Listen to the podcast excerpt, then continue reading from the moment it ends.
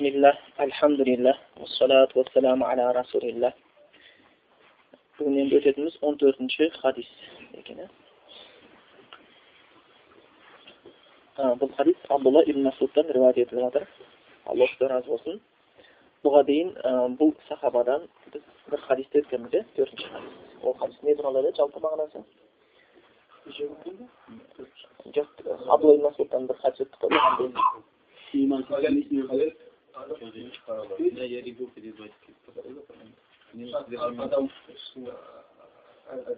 حدثنا رسول الله صلى الله عليه وسلم وهو الصادق المصدوق إن أحدكم يجمع في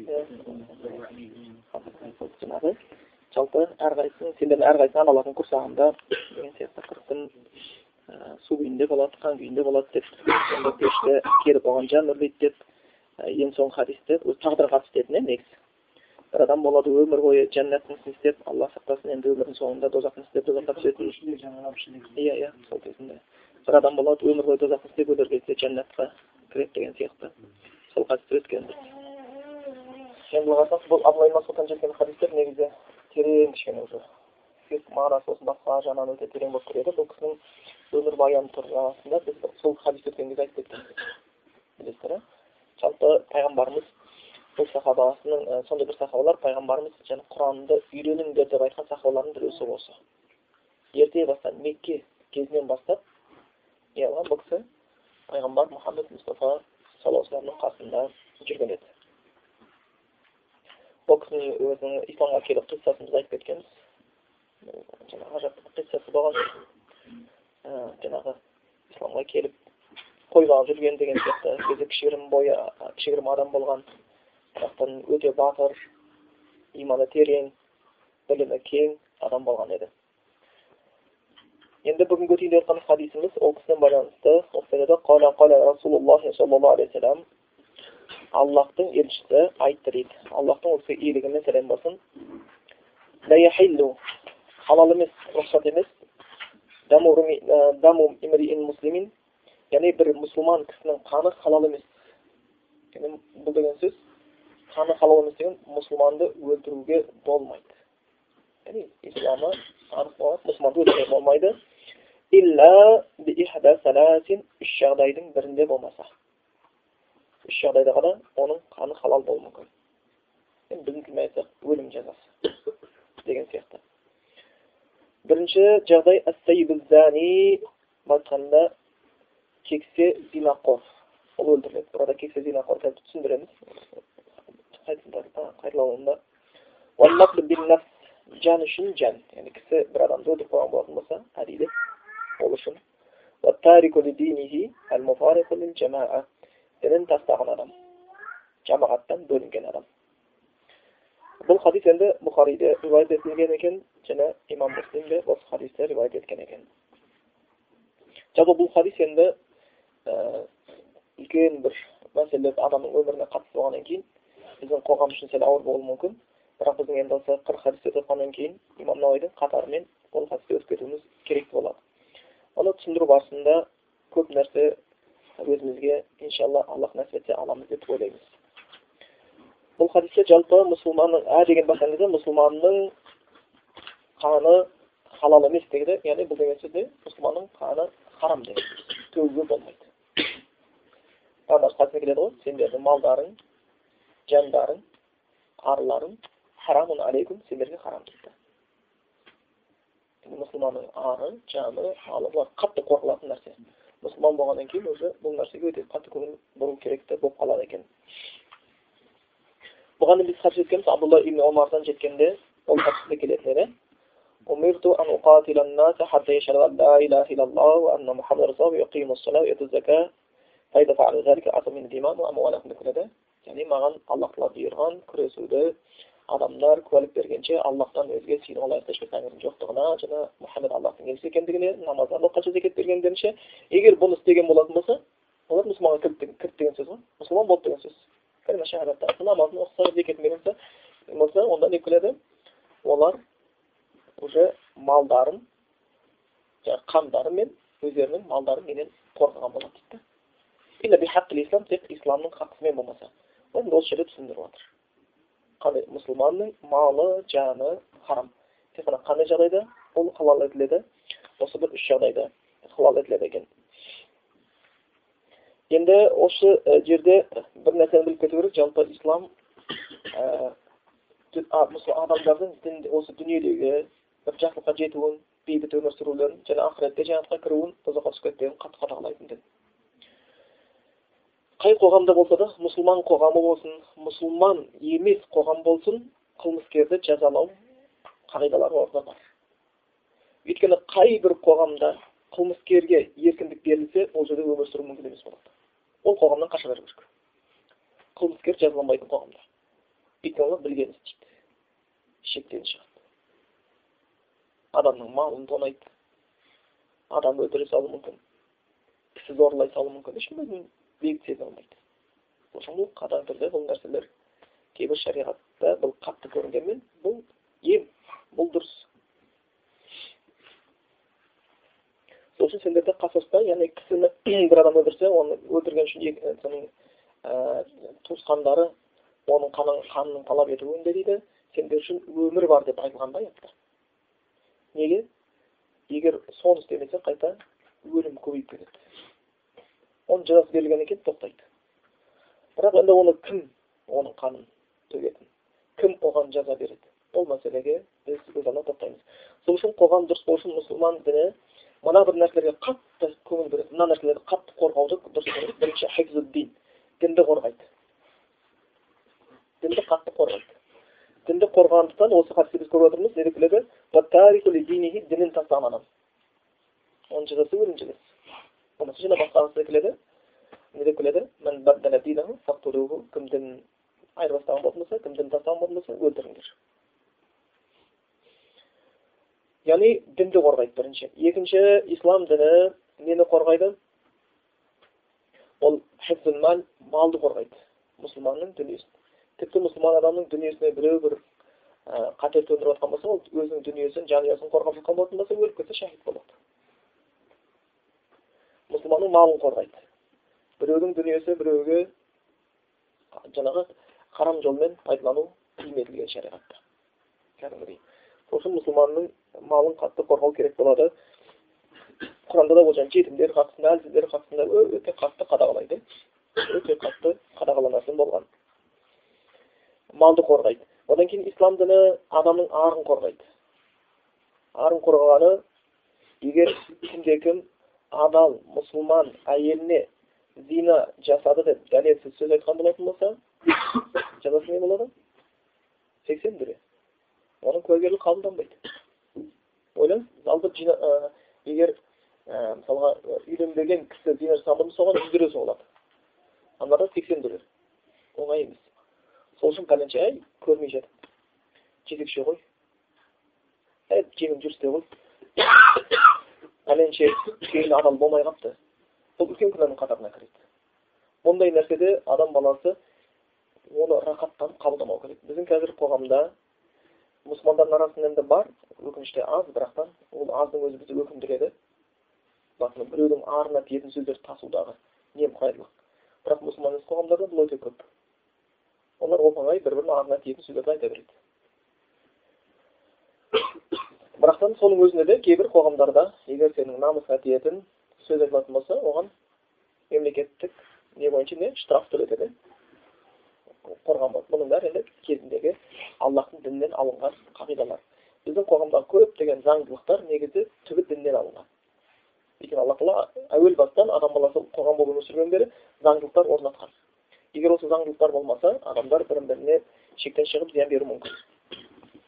Тура сол сияқты арын қорғаудың ішіне өсек айтпау ғайбаттамау жала жаппау деген сияқты. Шахадаты зур дейді ғой кәдімгі біреуге жала. Өтірік сөз айтып біреуге жала бұл сондай жаман пайғамбар саллаллаху бір хадисінде не деп айтқан? Сендерге үлкен күнәлар айтайын ба деп аллахқа серік қосу әке шешені ренжіту деп келеді және өтірік куәлік беру деп айтып қайталай бастайды. Деп сондай қайталаған соншалықты сахабалар ояды дейді да пайғамбар осымен тоқтатса екен сөзін түсіндік деген сияқты яғни біреудің артынан өтірік жала жау сондықтан өтірік үлкен күнә қатарына кіреді өйткені ол біреудің арына тию сосын хадис ілімінде біреу өтірік айта салатын болатын болса оның қадірі бірден түседі имам бухариді білеміз иә хадис жинайтын еді бірақ бір жерде хадисті көп білетін кісіге барды барып жолығып соған шаршап жолын уақытын бәрін кетіріп хадис жинап барса ол кісі атты шақырып жатыр дорбада жем жоқ. Бұл жануарды алдап жатыр адамды алдау оңай. Деді да тастап кетіп қалды. Ананың өте көп білетін хадис хадисті жаңағы бірақ бір сипат үшін тастап кетті. Сол өтірік сипаты ең жаман сипат қазіргі кезде біз осы кезде мұсылман бауырлар арасында көріп қаламыз ә пәленше оқыған жоқ ол білмейді сөйтеді бүйтеді деп ешбір деген айта салады өтірік айта салғанда мән бермейді да осы арқылы өзінің дәрежесін ол қатты түсіргенін байқамайды білмесең білмеймін деп айта салу керек кейінге барып өкінгеннен уже сен қадіріңді түсіріп аласың сол үшін ә, жаңағы айтып кеттік ислам діні адамның несін қорғайды дінін қорғайды сол үшін дін тастаған адамға жазасы өлім екінші айтқанда ислам діні адамның малын қорғайды. Өйткені адам ол өзінің тапқан еңбегімен оны біреу харам жолына алып кетуге жеу ішуге болмайды. Ислам діні адамның арын қорғайды. Және де ислам діні адамның жанын қорғайды. Яғни кісі кісіні өлтіруге болмайды. Әдейілеп тұрып кісі өлтірдің ба жазасы өлім жазасы. Құранда қатты айтады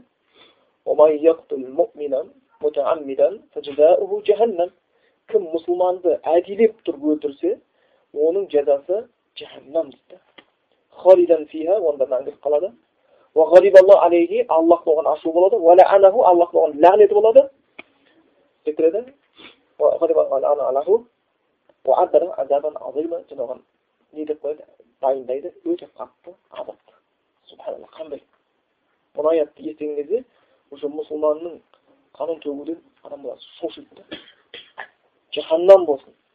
Аллахтың қаһары болсын. Аллахтың лағнеті болады және өте қатты азап болады дейді. Құр жаһаннам емес жаһаннамның ішіндегі қатты азап болады дейді. Сол үшін мен мұсылманмын деген кісінің қанына айтқанда өміріне қауіп төндіру өте сақ болатын нәрсе. Әсіресе біздің қоғамда кей мына қазір не кісіні күнәлар үшін күпірге шығару пайда болып қалды ғой. Ол дұрыс емес. Кезінде хауариждерде болған иә күнә үшін кәпір деп қояды да оның малын оның қанын халал етіп алған ол өте ауыр күнә. Сосын оларды кирабу жаханнам тозақтың иттері деп аталған да. Адам сипатында кіре алмайды. Адам сипатына кіре алмайды. Сол шынымен де кісінің өміріне мұсылман деген адамның өміріне қауіп төндіру өте сақ болу керек. Оның өмірі бізге. Тура сол сияқты ислам діні және нені қорғайды? Ақыл адам ақылын қорғайды. Адам ақылына зиян бермеу ақылын қорғаған үшін ислам дінінде арақ харам етілген. Өйткені арақ адам ақылына зиян береді. Тек қана қоғамға семьясына басқасына емес адам ақылына зиян береді. Үшін арақтың арабша аты не деп аталады хамыр бұл түбірі арабта химар деген сөз бар химар деп орамалды айтады басты жабатын нәрсе оралмаған нәрсені оралатын нәрсені химар дейді арақты хамыр дейді екеуі түбір жақыр неге арақ хамыр деп аталды орамал басты орап тастаған сияқты арақ адамның ақылын орап тастайды түсіндіңіздер ғой адамның ақылын орап тастайды яғни ол ішкен кезінде сау кезінде істемейтін нәрселер істей бастайды. Өйткені ақыл деген арабтың сөзінде біздің тілге барсақ не? Жіп тұсау деген мағына береді. Не деген ол ақылға ондай ат берілді. Адамды жаман іске ұялатын іске күнә іске жібермей ұстап тұрады. Үшін ақыл ақыл деп аталған ал енді арақ ішкеннен кейін уже тұсауда шешіліп кетесің да мал боласың. Білгеніңді деп кетесің. Үшін ислам діні осындай бір зәру болған нәрселерді қоғам қоғам болып тұру үшін қатты қорғайды екен. Дінін қорғайды малын қорғайды арын қорғайды жанын қорғайды ақылын қорғайды. Бұлар керек. Бұл нәрсе болмаса қоғам болып өмір сүру мүмкін емес. Үшін бұл тек қана мұсылманшылықта емес. Мұсылман емес мемлекеттер осы заңдылықтарды қоя бастайды. Қытай біз оны шариғатпен өмір сүреді деп айтпаймыз ғой. Дұрыс па? Басым көпшілігі будда дінінде. Бірақ оларда өлім жазасы шариғатта айтылған нәрседен де көп та пара алса не істейді өлім жазасы жақында өлтіріп тастаған жоқ біреусін пара алған үшін үлкен қызметтегі адам олар да өлім жазасы оларда қол шабу бар. Енді олар мұсылман емес неге бұны істеді? Олар үлкен ғылыми зерттеуден кейін осыған келіп тоқтады. Өйткені адамның саны өте көп. Оны басқаша тоқтату мүмкін емес та. Оның бәріне түрме тауып беру оны түрмеге дұрыс қойып өмір бойы қалмасаңдар тамақтандырып отыру. Ертең шығып кетсе одан сайын өткені қаншер болып шығады кей кезде түрменің ішіне кірген адам тәрбиеленеді деп ойлайды бірақ та түрмеден шыққан кезде неше түрлі нәрсені үйреніп шығатындар болады. Егер тәубе қылмаған болатын болса. Олар қарады просто ақылмен ғылыммен зерттеуге салған кезде дұрыс осы екен деп тапты. Одан басқа тәрбиелеу жолы жоқ. Егер олар осыны алып тастаса қытай сол күні өзін өзі құрып тастайтын көздері жетіп тұр да өздері өзіне құрып кетеді өйткені ол жерде дін жоқ иман жоқ басқа жоқ басқа сақтап қалатын нәрсе жоқ. Сосын бұл тек қана исламда ғана емес ол басқа жерде келген. Енді кейбір жерлерде өлім жазасын алып тастап оған өмір бойы түрмеге қамау деген нәрсе алып келеді. Бірақтан кейбір адамдар бар олардың қасынан онда сондай дәрежеде бұзылған өмір сүру хақысы жоқ сияқты. Енді бұл жерде хадистерге біз кішігірім тоқталып өтейік. Басқаша бірінші халал емес деп келеді. Дәму яғни қаны имриин муслимин мұсылман кісінің қаны бұл мұсылманға қатысты болып тұр.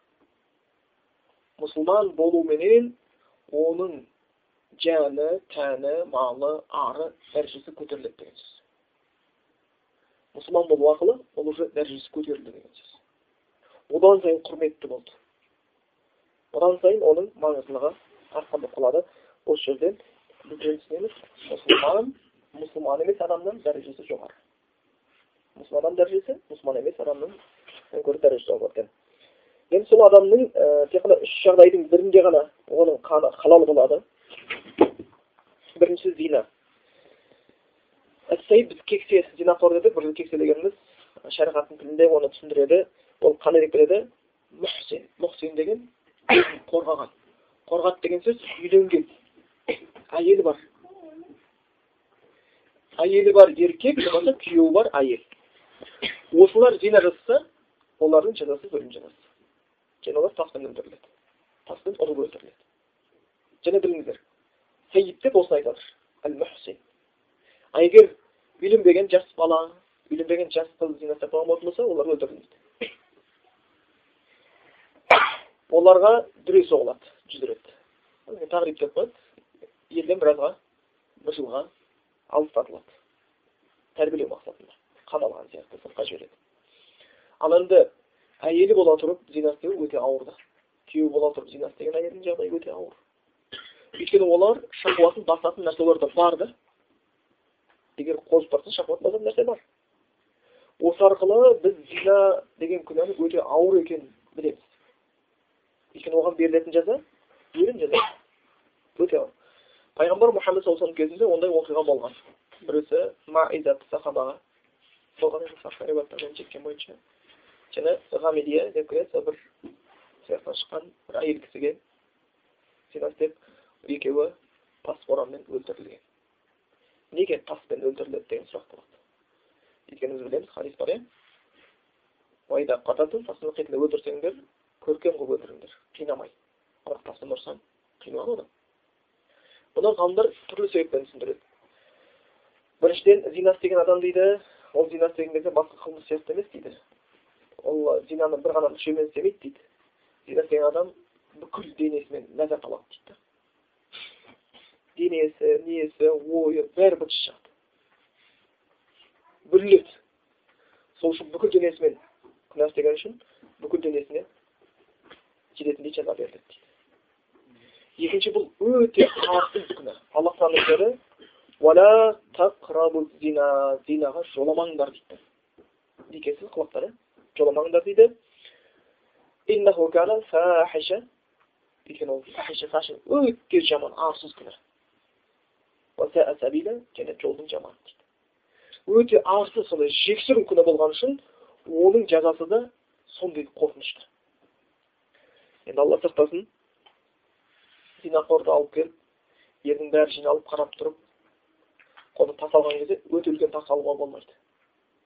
Ұрған кезде өлтіріп қоятындай тас алуға болмайды және ол кішкене тас болмау керек өйткені қатты қиналып кетеді ол орташа тас болу керек та ол таспен ұрылған кезде сен адамның денесінің бәрі жыртылып басының бәрі миының бәрі төгіліп қалғанын көрген кезде көзің жерде жатқанын көрген кезде оны көрген адамдар және ол тығылып істелінбейді еріп жаралап істелінеді осыны көргеннен кейін ол адам миынан зина туралы ой қайда кетіп қалады айдалаға кетіп қалады бірақ жаңа айтып кетейін бұл жазаларды жекелеген адам істей ала ма? Жоқ. Еркек үйіне келсе әйел зина істеп жатыр ол ортасымен оны әйелін өлтіре ала ма? Болмаса жинаса еркекті өлтіре ала ма?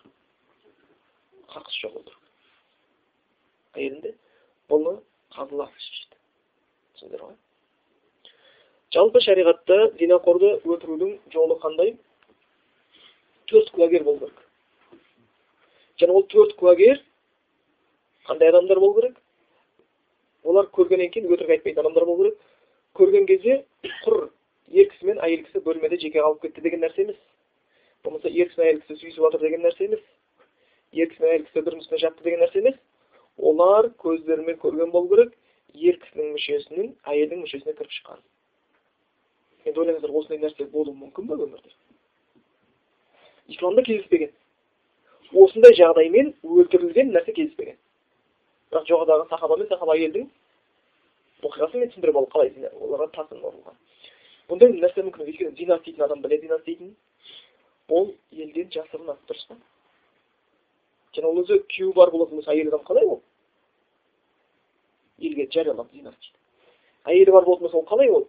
Елге жариялап зина істейді және ол қалай елдің көзінше зина істей алады? Олар тығылады дұрыс па? Яғни бұл мүмкін емес нәрсе. Және бұл мүмкін емес деген нәрсе яғни бет жоқ бұған жаза қолдана беруден де сақтану деген нәрсе бар енді бұл жаңағы зинақор жасаған еркек пен әйелдің жазасы тасқындар өлтіріледі дедік қой оны өзі бұл құранда аяттар бар бұл құран бойынша сүннет бойынша солай сүннет жаңағы муслимде жеткен маиздің өлтіруіне байланысты хадис болатын болатын болса және жаңағы зина істеп қойған әйел кісі күйеуі бар еді братан өзінде жүрген бір жас жігітпенен зина істеп қояды кейін ол елге тарап кетеді елге тарап кеткеннен кейін әйел кісіні әйел кісіден сұратады мойындай ма екен осы деп әйел кісі мойындайды мойындаған кезде ол тас боранмен өлтіріледі бұл деген солар діннен шығып кетті деген мағына бермейді құранмен дегеніміз қайда құранды біз көрмейміз ғой құранда дүре соқ деген бар бірақтан ұр деген жоқ деп кіреді ғой құранда мынандай ілім бар оны біз енді тапсырсақ оны біз толық өтілгенмей қалдық құранда мынандай аяттар бар құранда бір аяттар бар жазылып тұрады бірақ үкімі жоқ үкімі мансух үкімі жойылған иә аяттар бар мысал алатын болсақ күйеуі қайтыс болған әйелдің үйінен толық бір жыл шықпауы бұл мансух болған аят төрт ай он күнмен мансух болды төрт ай он күн бойы ол үйлене алмайды сол сияқты құранда мансух аяттар бар. Болмаса араққа байланысты. Тұр оқимыз. Бірақ үкімі жоқ. Деген сияқты мас күйде намазға жоламаңдар дейді. Яғни арақ ішіп алып мас болмай намаз оқи беру деген нәрсе шығармайды бұл мансух болған арақты харам етілуменен бірақ құранда бір аяттар бар ішінен құранның ішінен алынған үкімі қалып кеткен. Түсіндіңдер ма бір аяттар бар екен құранда жазылып тұр бірақ үкімі жоқ. Тек қана оқимыз. Бірақ пайдасы не деген сұрақ туады егер жазылып тұрса оны біз амал істемесек онда неге жазылып тұр деген сұрақ туады осы арқылы дін таратуда хикметті үйренеміз. Түсіндіңіздер ғой? Тадаруш ақырындап постепенность халықтың жағдайын ескеру деген нәрсені үйренеміз. Өкінішке орай біздің бауырларымыз осы жағына жетпей қалады. Өзі үйреніп алғаннан кейін елдің бәріне өзіндей болғысы келіп қарап тұрады. Бірақ өзі сол деңгейге екі жыл бес жылда жорға жеткен. Сөйтті адамдардың бес күннің ішінде соны істемеді деп бидағатшы пәленше түгенше деп үкім шығарғысы келеді. Және бірінші бізге осы аяттардың жазылып бірақ үкімі жоқ болған аяттар діндегі парасаттылық таратуда сол үшін омар ибн абдул өзі халиф болып тұрған тұсында ойлаңыздаршы қандай заман? Исламның күшті кезі дұрыс па? Бүкіл әлем мойындап тұрған. Ислам дініне кірмеген кәпірлер мұсылман қоласы болатын болса жизя төлеп тұр да сондай кезде әбихи деп келеді ғой жаңағы омар ибн баласы енді ол да өте бір дін үшін қатты не кеткен қызбаланған келіп әкесіне айтады е әке сенің орнында болған кезімде ғой сенің орнында мен халиф болсам ғой елді бүйтіп еркелетпес едім шариғатты мойындарға толық салып беретін едім исламға толық кіргізетін едім деген кезде әкесі айтады иә дейді балам дейді тыңдашы дейді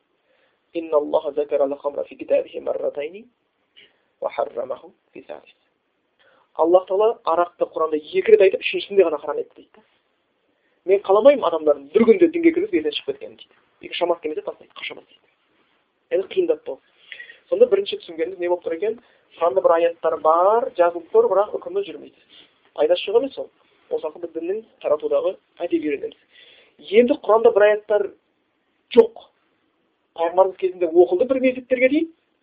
Ондай аяттар болған бірнеше. Оқылды кейін ол аяттар құраннан алынып тасталды. Бірақ үкімі қалып кеткен аяттар бар. Зинақор үйленген еркек пен зинақор үйленген әйелдің зинасында тастан ұрып өлтіру бұл құран аят болған кезінде. Пайғамбар мұхаммад салам белгілі мезгілде оқылған екен оны құраннан алғызып тастаған. Омар айтқан аллахтан сондай бұйрық келмегенде мен ол аятты алғызбас едім дейді. Бұл аят қалай келген яғни сондай жасы үлкен еркек пен жасы үлкен әйел яғни үйленген еркек әйел болатын болса екеуі зинақорлық істеген болатын болса фаржумухума әлбәтта олар міндетті түрде таспен ұрып өлтіріңдер аллах аллахтан үлгі болсын басқаларға бұл күнә істемеу үшін уаллаху азизун хаким аллах тағала өте үстем хикмет иесі бұл аят оқылған мұсылмандар өз заманында пайғамбар осы аят оқылған кейін пайғамбар ол аятты алып кетті енді бұл жердегі біз түсініп жатқанымыз зинаның өте ауырлығы. Яғни зина күнәсінің өте ауырлығы. Одан барынша алыс болу керек. Енді осы жерде және бір нәрсе айтып кете салайық. Зинадан қалай сақтану керек? Әсіресе біздің қоғамда бұл қатты белең алып бара нәрсе. Мұсылмандарда әйтеуір сақтанып жатыр. Иә мұсылмандарда қолдарынан келсе сақтанып жатыр. Өте аз кездейсоқ жағдайлар кездеседі олар түскен сияқты пайғамбар мұхаммад кезінде сонша мыңдаған жүз мыңдаған сахаба болды бірақтан санаулы ғана біз жағдайлар білеміз зина жасап қолданған ал енді мұсылманшылық жоқ елдерде бұны тоқтатуды ұмытқан адамдар бұны тоқтата алмайтын болғаннан кейін олар не істеді мемлекеттерінде мемлекеттік бюджеттен презерватив шарасын зауыттар аша бастады басқа жоқ шара жоқ мектепте бастап уже бұл сабақта үйретіле бастады бүйтетін болатын болсаң сен бір партнерша алатын болсаң бүйтетін сенің өз партнерің болатын болса былай істеңдер уже зинаны өздері үйретіп жатыр да неге өйткені зина жамандық шақырады аурулар неше түрлі аурулар шақырады бесінші ләззатам дейді да өмір бойы қойды енді аурулардың біздің сабағымызда аттарын атағымызда келіп тұрған жоқ кәдімгі шіріп іріп қан құсып өледі көбісіне емдей алмай қалды кейбір зинадан болған аурулар еркектің ұрығы қалғанмен оның ұрықтарын өлтіріп тастайды ол келешекте семья құрайын десе бала бітпейді әйел адам семья құрайын десе бала бітпейді неге өйткені ұрықтарындағы немер өлген вирустармен кіруге байланысты өліп кеткен. Сол үшін оның зияны өте үлкен екені оны ғылыми тұрғыда да белгілі бұл бір енді моральдық тұрғыда. Алла сақтасын. Біреудің бала шағасы бар семьясы бар өсіп жатыр өніп жатыр бірақ та оның әйелі біреу азғырады да зина жасайды. Не болды ойлашы бала шағаның жағдайы не болды? Ана еркектің жағдайы не болды? Құда құдағилардың жағдайы не болды? Не болады бұл бұны кешіріле салатын нәрсе емес. Яғни ол бір адам мен екі адамның арасындағы күнә болған жоқ. Бұл белгілі бір адамдар бала шаға қоғам құдағилардың бәріне зиян берген күнә болды. Оның ауқымы өте үлкен. Сонда осындай ауқымды болған үшін оған қатаң түрде тыйым салынған. Аллах тағала құранда жәннатқа кіретін құлдарын сипаттаған кезде жиі бір сипатты айтады.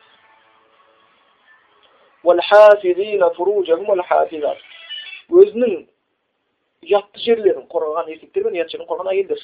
Яғни зинадан сақ болған деген сөз иә зинадан барынша сақ болған жәннатқа кіретіндердің бір сипаты осындай болмаса бір жерде тек қана әйелдеріне ғана жақындайды басқа ал маркет айманы қаласа күндеріне шақырады басқа ештеңеге жоламайды енді олар барынша жек көреді мұсылман адам іштей ризаны жек көруге тиісті енді осы жерде бір нәрсені айта кетейік дегеніміз зинадан қалай сақтану керек жас болатын болса үйлене алмай жүретін болса оразаны көп тұту керек өйткені жеген тамақ адамға күш береді пайғамбарымыз айтқан иә шамалар келгендер үйленсін келмегендер ораза тұтсын деген ораза оған ем бірақ құр ораза тұтқанмен ол ауызды ғана ораза тұту емес көзді ораза тұту керек енді бір адам айтады менің әйелім бала шағам бар бірақ та мен сенен қорқып жүрмін дейді да екінші әйел алайын деп едім дейді енді осы жерде қараңыздар мына бір нәрсе түсініп кетпеңіздер ол адам өзін алдап қойған болмау керек оның бірінші әйелі төсекке жарамай қалған болуы мүмкін. Болмаса бірінші әйелі бір күйіп қалды ма түсіп қалды ма бір мүлдем еркек қызықпайтын дәрежеге түскен болуы мүмкін. Болмаса қатты қартайып қалып ол іздеп жатқан болатын болса онда айып емес. Бірақ егер шахуаты бірінші әлеммен қанағаттанбайды екінші әлемге жатқан болса жарайды онда емес. Онда да айып емес дейміз. Болмаса ұрпақ көбейтемін деген болса онда айып емес дейміз. Бірақ ойлап тұрған болса мен шахуатым көтеріліп жүр бірінші әйел жетпейді екінші әйел алайын дегендегі мақсаты ол тығылып интернеттен жаман нәрсе көріп жүрген болатын болса ол көзін сақтанбай көшеде қыздар қарап жүрген болатын болса ол өзін алдап жатыр ол төрт әйел алса да оның шахуаты басылмайды көзін тыймайынша түсіндіңіздер ғой? Көзін өзін тыймайынша яғни адам осылай алданып қалмау керек. Біздің заманда бұл өте қатты маңызды нәрсе. Кәдімгі алдынан аш шашып келе жатыр ма? Көзін төмен сал дейді енді бұрын көрдіңіздер ма көрмедіңіздер ма бұрын программа болатын қазір. Бар ма жоқ па білмеймін. Көп уақыт мен телевизорды қарамаған едім. Бабье царство деген бір программа болатын. Бұрын өтетін. Көрдіңіздер ма бір әйел кісі жүргізеді. Сонда осы бір қазір пусть говорят сияқты программа ғой бір проблеманы көтереді да соны шешеді отырып алып бәрі. Шоу сияқты. Сонда бабет царствода мынандай мәселе көтерілді да қыз балалардың киімдері. Олардың өздері мойындап отыр мұсылман еместер. Ілгері уақытта әйелдер бұлай киінбеген дейді да қазір боянып соянып неше түрлі кірпік жалғап үйтіп бүйтіп көзінің зрачогын өзгертіп неше әтір сеуіп ашылып шашылып кетті дейді да әйелдер. Осы қаншалықты дұрыс қаншалықты бұрыс деп діни тұрғыдан емес өйткені келіп отырған адамдардың бәрі діннен алыс адамдар. Болмаса басқа діндегі адамдар. Осы мәселені көтерді. Еркектердің көпшілігі қарсы шыққандар болды біреулер жарайды деді. Біреу айтты мен бұны қаламаймын деді әйелдер қатты шектен шығып боянуына өйткені ә, сондай бір жағдайды білемін мен бір қызды кісіні ұнаттым үйге алып келдім үйттім бүйттім тұрамыз деп ойладық ол барды жуынып шайып шыққаннан кейін қарасам кірпігі алынып салынатын беті жуылатын шошып кеттім танымай қалдым дейді бұл алдау дейді да яғни ол бізді алдап жүр дейді әрқайсысын шимайлап бимайлап бетін бәрін жылтыратып өйтіп бүйтіп келген қарасақ бұл ол емес деп енді ол өзінше айтып жатыр бұл жерде айтайын дегенім шахуатты реттеу сонда бір кісі сөйледі теңізші екен жас үлкен шал кісі адмирал дей ма мына жұлдызымен келіп қаптаған жұлдыз мен бір ауыз сөз айтайын деді мен айтайын деген сөзім деді я человек больной деп бастады и старый деді но со мной случился такой случай деп бастады мен көшеде келе жатыр едім менің келе жатқан жолымнан алдымнан жап жас қыз блондинка деп айттым ашық шаш киінген қыз келді. Мен ананы көрген кезде өзіме ие бола алмай қалдым дейді сонда бабет царствоны жүргізген әйел кісі не деп жатыр вы не больной человек деп маған күліп жатыр да. Егер ауру шал адамды қоздырған болатын болса ана әйел кісі онда жас адам жағдайы не болады түсіндіңіздер ғой? Сол үшін ғалымдар айтады расында көздер дейді не деп келеді әл акбар үлкен есік дейді адамның жүрегіне дейді бүкіл мусор осы жақтан кіріп кетуі мүмкін зинаны жақсы көріп қалу үйту бүйту адам ол бір екінші әйел адам үшінші адамды алдап қалуы мүмкін ол неге ол екінші үшінші әйел алғысы келіп қалды денесіндегі физикалық күштен ба жоқ әлде қалай болса солай әркімге қарай бергеннен ба жаман кино көргеннен ба жаман нәрсе көргеннен ба неден ол өзіне сұрақ қою керек егер жаман нәрсе көрген болса жаман нәрсені тәубе қылып тастау керек болды. Солай емдеу керек біріншісі. Ал егер физически күшті болып барып болатын болса оның мәселесі бөлек екен. Сондықтан бұл жердегі үш нәрсеге байланысты мұсылманның қаны халал етеді деді. Бұлар айтып жатқан нәрсе бұның бір өте ауыр күнәлар. Барынша сақтану керек. Сол ілгергі ғалымдар келтіретін сияқты бір қария кісі жасы тоқсанға келгенше бес уақыт мешітте намаз оқыған деп келеді қиссасы ғой бес уақыт мешітте намазды мешітте оқыған дейді және бірінші сапта оқыған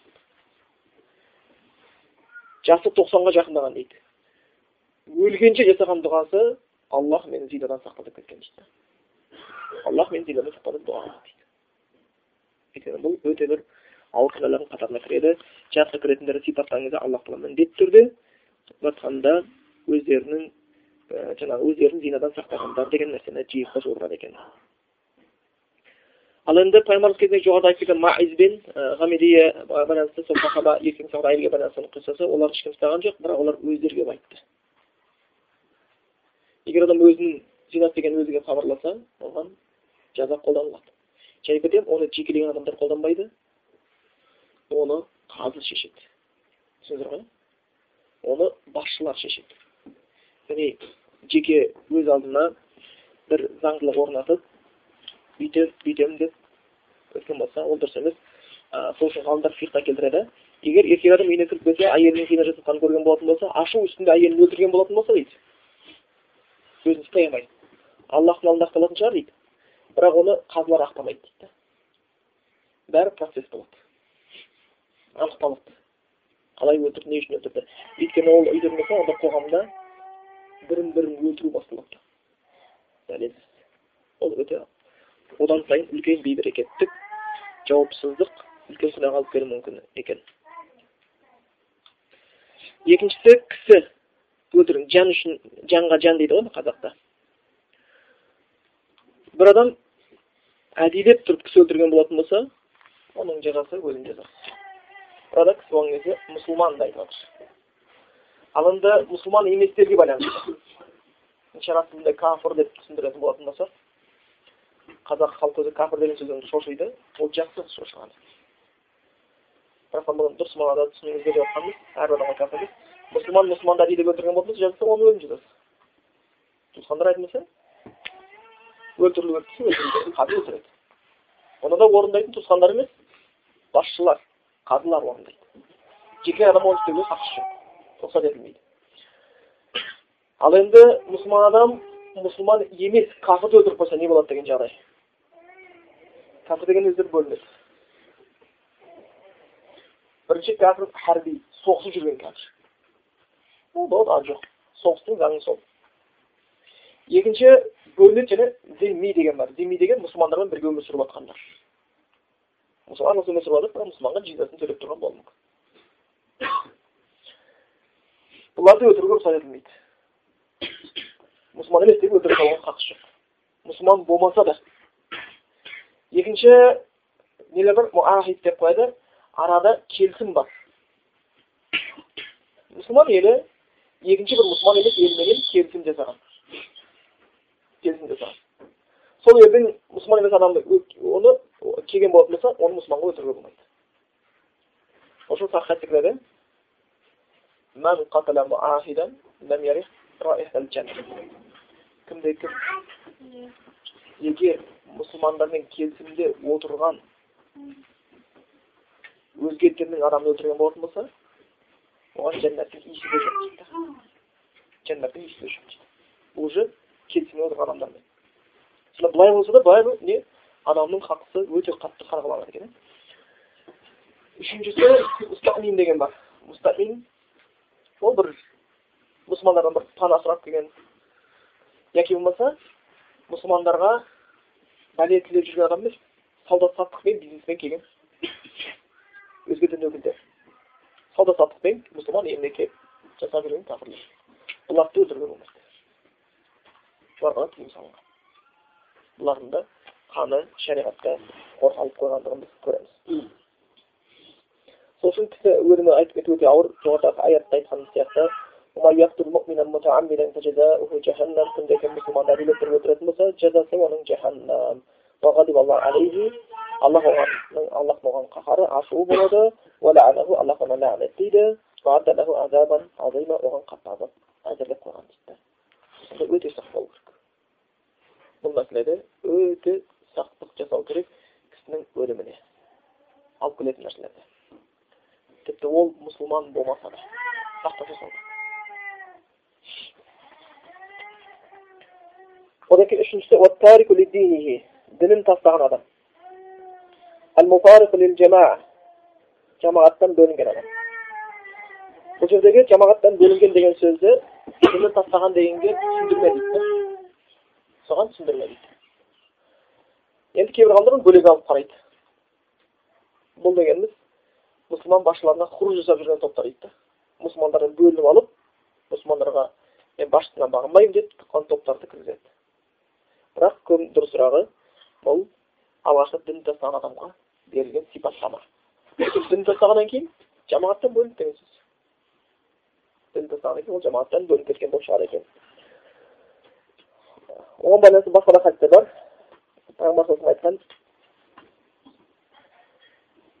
man baddala dinahu faqtuluhu кім дінін айырбастаған болатын болса оны өлтіріңдер деп айтқан екен сондықтан бұл жердегі діннің маңыздылығы өйткені мынандай нәрсе бар оны ескеріп қоюымыз керек ілгергі уақытта ә, кәпірлер осы нәрсені істеген қазіргі кезде ол нәрсе бар ислам діні сондай хақ діні болғаннан кейін көбінде ислам дініне кіргеннен кейін мұсылмандардың арасына күдік күмән салу үшін өтірік мұсылман болып қайтадан діннен шығу деген саясат ойластырған қарапайым халық енді бәрі анау сол керемет бір адамы ислам дінін қабылдаған болады да. Кейін тастап кетеді или ойлайды. А мынау значит ақылды адам еді ғой мынау. Ислам дініне кірді қайтып шығып кетті значит исламның бір кемшілігін білді. Бұл басқа дінге христиан дініне басқа дініне өтті. Значит бұл адам біледі. Ислам діні жақсы емес екен. Басқа дін жақсы екен дейді да күдік кіргізіп басқалардың дінге сауат қарауына себепкер болып қалды. Сонда келеді وقال طائفة من أهل الكتاب أهل الكتاب طبعا болған бір топ дейді не деп айтты дейді آمنوا بالذي أنزل على الذين آمنوا وجه النهار мұсылмандарға түскен нәрсеге яғни құранға күннің жартысында иман келтіріңдер деп келеді да күннің жартысында қайтадан діннен шығып кетіңдер осылай істейтін болатын болсақ мұсылмандар діннен қайтарамыз дейді олардың бұл саясатын аллах хабарлап қойған сосын біреу келеді да мен исламды бір интернетте шығып еді мұстафа бір әйел мен мұсылман болдым оқыдым үйттім бүйттім қарасам зерттедім ислам діні өте қиын екен жүрек дін емес екен бұлар алдайды екен. Мен осыны осындай медресесін бітірдім мен мынандайын бітірдім бәрін бітірдім деп келеді да ердің алдына шығып мені орамал тұмшалап тастапты деп экранға шығып экран алдында орамал шешеді да уф төбеден шыққандай болдым ғой деп қояды яғни ол дін тастайтын болса ол экранға бармас еді дұрыс па?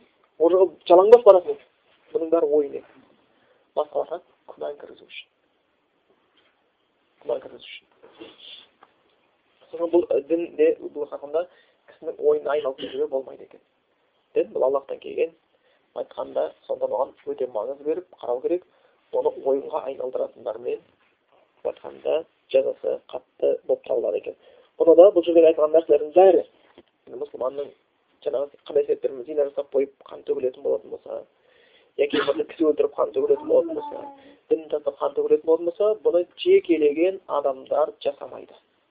Оны естеріңізде ислам дінінде жекелеген жаза орнату деген жоқ не оны басшы істейді қазының шешімінен кейін болмаса басшының сайлаған адамы жасайды. Басшы басшыны жасаған. Сол үшін пайғамбар мұхаммад кезінде маизді тастамақ өлтіру пайғамбардың бұйрығымен болады жасалған жаңағы әйел кісіні зина істеп қойған әйел кісіні пайғамбардың бұйрығымен кісі жібереді анықтаңдар сондай болмаса ұрыңдар дейді яғни оны қайда адам біледі бұны жаңағы қазылар болмаса басшылардың істейтін тіршілігі болып тұр екен оны жекелеген адам бұл нәрсені істеуге болмайды егер оны істеген болатын болса оған егер ол нәрсені істеген болатын болса оның өзіне жаза қолдана бастайды мен әйелімді жинастырып мен сондықтан өлтіріп тастадым қай жақтан білеміз бұл аллахтың алдында өзі болатын шығар. Бірақ адамның алдында бұл жүрмейді. Адамның алдында ол кісі өлтірді есептелінеді. Кісі өлтірді деген үкімді келтіреді екен.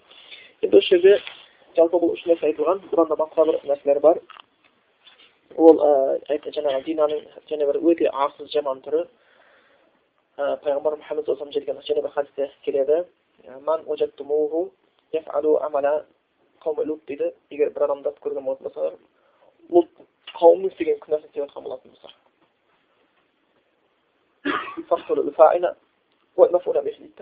Соны істегендігі соған істеуге көнгенді де өтіріп тастаңдар дейді.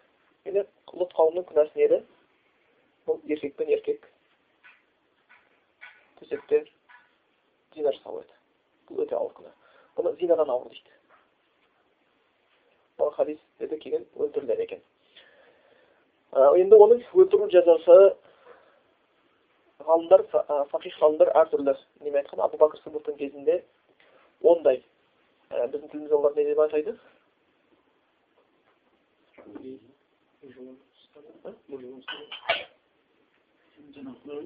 иә гомосексуализм дейміз еркектен еркін жатқан да яғни гомосексуализм деп алатын болсақ бұл шариғатта қатты жазаланатын күнә бұл жай зинадан да ауыр деп есептелінеді асыл деп келеді. Өйткені ғалымдар айтады еркек пен әйел отыратын болса бөтен болатын болса сен түсінуің мүмкін еді әй мынау сен неге отырсың? Хадис бар. Бөтен еркек бөтен отырса үшіншісі шайтан болады деген сияқты. Сен айтуың мүмкін дейді да ал еркек пен еркек отырса сен көнбейсің ғой дейді да сен еркек еркекпен жүре береді дейді. Бірақ бұл нәрсе тарайтын болатын болса ол жазасы қолданбаса қоғамда тарап кетуі мүмкін. Біз оның көзіміз жетіп отыр дұрыс па? Америкада бес штатта бұған заңда рұқсат берілген яғни что алмаған. Басында біреу шықты екеу шықты. Оларда да сол алғаш шыққан кезде олар өлтіріп тастап отырған. Шариғатсыз өлтірген олар. Ондай адамдарды кейіннен кейін көбейіп кеткеннен кейін қараса уже дауыс пайда болыпты. Демонстрация пайда болыпты. Бірінші демонстрация шыққан кезде олар елдер барып қолдан түскен нәрсені ұрып дауыс тастайтын. Олар көбейіп кеткеннен кейін уже мемлекет мойындау керек болып қалды мойындағаннан кейін да оған не керек оны еркекпен еркек жүре бермес пе? Заң неке қағазын алып екеуі тұрады бір тым қызық емес нәрсе сияқты. Бірақ ол деген сөз олар ол ары арсыз қалар ол бір бір бірін жақсы көріп тұрып жатыр дейсің ба? Ол нәрселер. Енді ол жердегі даже ойласаң бір сасық дүниелер болып келеді екен. Оның жазасы мысалға зинаны болса абу бәкір сыдықтың кезінде ондай адамдар не дейді деген өртеп өлтіріңдер деген да жазды шошынырақ болу үшін ал енді кейбір ғалымдар айтқан оларды қаладағы ең биік жаңағы құрылыстың төбесіне алып барып сол жақтан лақтырып өлтіріледі деген жасағанды да жасағанға көнгенді лақтырып өлтіреді деген бұның күнәсі ауыр есептелінеді екен соны қатаң түрде ол тыйым салынады енді осы тұрғыда шариғатта да көбінесе ә, не деп келеді бұған жол беріп қоймау үшін ә, әйелдің киімін киген еркекті лағнеттеген еркектің киімін киген әйелді лағнеттеген әйел адамға әйел болған жарасады нәзік деген сияқты әйелдің тірлік істеген жарасады еркек адамға еркектің тірлігін істеген жарасады сол үшін кейбір ғалымдар еркектің шектен тыс жатқанда крем жағып өйтіп бүйтіп әспеттене беруін ұнатпаған өйткені оны қараған кезде бір еркектік белгі тұру керек та. Мұсылман еместер өзі айтады ғой шрам угрожает дей ма не мужчина деген иә. Сол сияқты ол бір не болу керек та кәдімгі еркекте еркектік табиғат күйінде қалу керек. Әйел әйел табиғатында қалуға тиіс бұлар орын ауыстырса бұл ауыр енді неге оларды ең биік құлыстың төбесіне апарып лақтырып өлтіріледі одан кейін тарс лақтырады дейді да одан кейін тағы да түсінеді ендігі бұрынғы құрылыстар қатты биік болған жоқ оның үстіне лақтырсаң ол өлмей қалуы мүмкін ал қазіргі құрылысты лақтырсаң енді тірі қалмайды оны кейбір ғалымдар шығарғаны лут қауымында сондай жаза берілген дейді аллах тағала бұйырған кезде періштелер оны итімен басқасымен көтеріп аспанға алып барды сосын жерге тастады сен тазша болды дейді әлі ол тарихи орталық жерде қалып оны тұрған жаңағы өлі теңіз дейді ғой. Өлі теңіздің өлі теңіз аталу себебі оның астында солот қауымның қауымы жатыр да өлген халық сол үшін өлі теңіз аталған. Ол жер. Ғалымдар өзі айтады ол жерде бұрын теңіз болмаған сияқты дейді. Сондай қатты соққы болған жер астына кіріп кеткенде су пайда болған дейді. Ал хадис бойынша көтеріліп жерге ұрған. Үстіне тас түскен адамдар бір мезетте өте қатты соққыдан өлгендігін ғалымдар қазір тауып жатыр қаланың қалдықтары өлген адамдардың сүйектері сол жерде тұр екен содан ол өлі теңіз өйткені астында өлген жаңағы халықтар жатыр екен. Бұл да бір ауыр күнә және де басқа да оған өлім жазып кеткен кейбір мысалға сиқырмен айналысу сиқыр өте ауыр күнә кісінің мысалы семьяның арасына сиқыр салып ерлі зайыптыларды ажырастыру деген сияқты. Жын шақырып басқа бір сиқыр біреуге зиян беру денсаулығына ақыл ойына көптеген түрі бар иә біреуге жын жіберіп жын кіргізу деген сияқты осындай сиқырдың несімен пайдаланып бұл шариғатта үлкен күнәлардың қатарына кіреді хадисте келген сиқыршының жазасы басын қылышпен шауып тастау дегенде. Ол өте ауыр жазалардың қатарына кірген бұның бәрі бір естіген кезде өлім деген нәрсе естіген біз қорқимыз. Қорқамыз. Бірақ адамдар білсе зинадан келетін қандай зардаптың бар екенін. Адамдар білсе кісіні себепсіз себепсіз өлтірудің қандай ауыр жаза екенін. Адамдар білсе еркек пен еркектердің былай айтқанда төсекте біріктіріп жаман қылық жасай жатса қандай ауыр жаза екен? Бұның сиқырдың қандай ауыр жаза екенін адамдар білетін болатын болса дінді тастаудың қандай ауыр жаза екенін адамдар білетін болатын болса онда бұлар оларға берілген жазаны әділ деп есептер сол үшін кей кезде көп адамдар жоқ бұл адам мешітке жатпайды қылмыскер өлім жазасын бермейік ол адам ғой деп отырады да.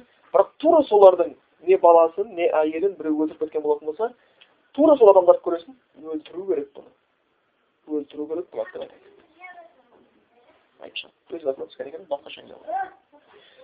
аллах тағаладан сұрайтынымыз әрбір мұсылманның семьясын бала шағасын мұсылман әйел заттарының бәрін арын аллах тағала сақтасын және ол жаман жолдан біздерді де сақтасын бізге аллах тағала иманды салихалы амалдарды сүйікті қылып біздерге күнә күпір пастық атауларды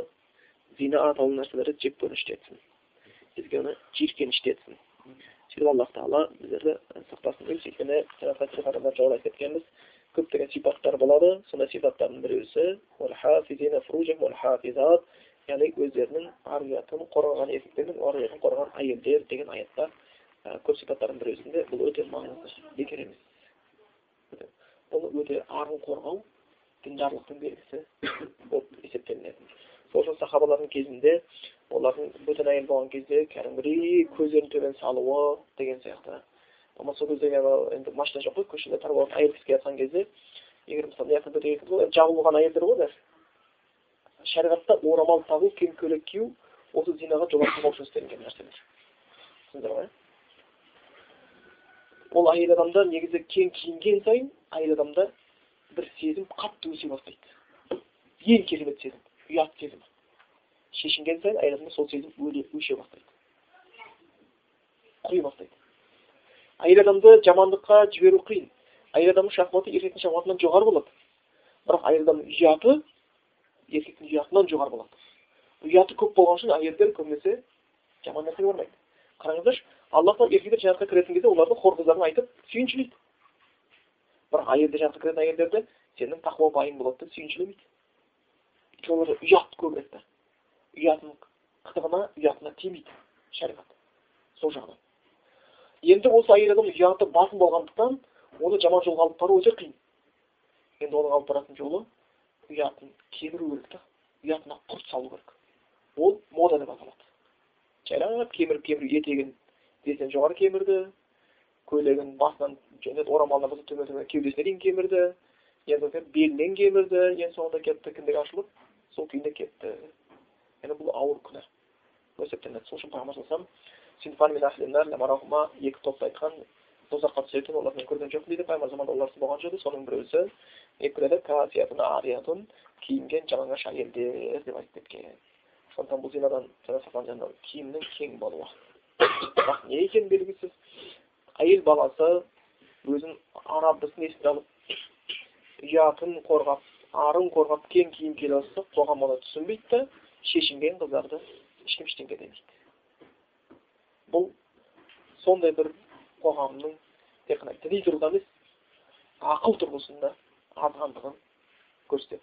Біреулер келіп орамалды көреді да біздің ата бабаларымыз апаларымыз бұндай орамал тағып жүрмеген бүйтіп жабынбаған апаларымыз апаларымыз деп сонша тамағы жыртылғанша күреседі да бірақтан ең кейде іш киімі көрген кезде ештеңе демейді сонда апалар сөйтіп жүрген ба осы бәріміз қазақпыз ғой біз апаларымызды елестете аламыз ба қазіргі осы әйелдердің сипатында шалбар киіп алып кеудесі ашық басы жалаңбас типа осы елестете аламыз ба жоқ елестете алмаймыз ондай нәрсені